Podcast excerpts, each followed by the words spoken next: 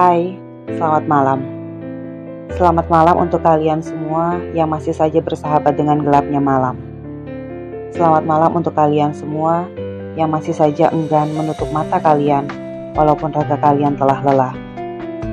Selamat malam untuk kalian semua yang mungkin saja masih mengharapkan seseorang datang atau sekedar mengharapkan balasan teks dari seseorang.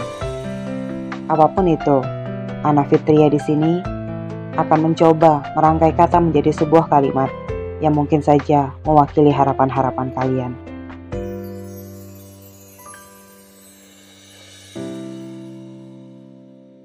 Catatan Ana Fitria 19 Mei 2020 Sebuah sajak manusia yang pernah patah dan pulih tentang rasa yang mempermainkan logika. Bab 1. Membekas suka atau luka. Karena luka itu membekas dan bahagia itu sementara. Jangan tanyakan seberapa kuat aku menahan sakit perihal patah hati.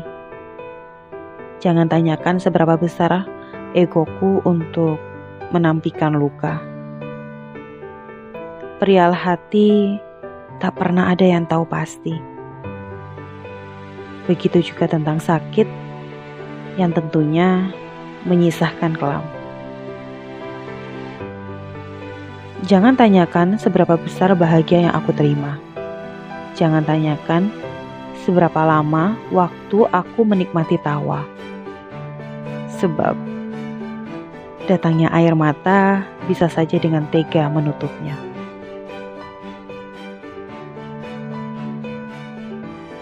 Menyusun alibi perkara hati adalah hal yang lumrah justru terjadi. Bukan untuk membohongi, namun justru untuk mengobati. Tiap-tiap manusia yang memang hatinya hancur akan mencoba untuk tak pernah jujur, namun tak pernah bisa melangkah kabur karena hati yang terlalu babak belur. Lalu, mengenai bahagia yang sempat diungkit, sudahlah, jangan sampai membuat kau lupa dan terbuai. Itu hanya rayuan sementara semesta untuk mengelabui logika yang terkurung dalam perasaan. Tak ada yang abadi. Suka atau lara sama saja. Begitu juga tentang harapan. Tak selamanya akan nyata, tak selamanya akan semu. Semua masuk di tiap-tiap waktu yang telah ditentukan. Hanya ikhlas yang mampu untuk membangkitkan. Hanya senyum yang mampu untuk menyembuhkan.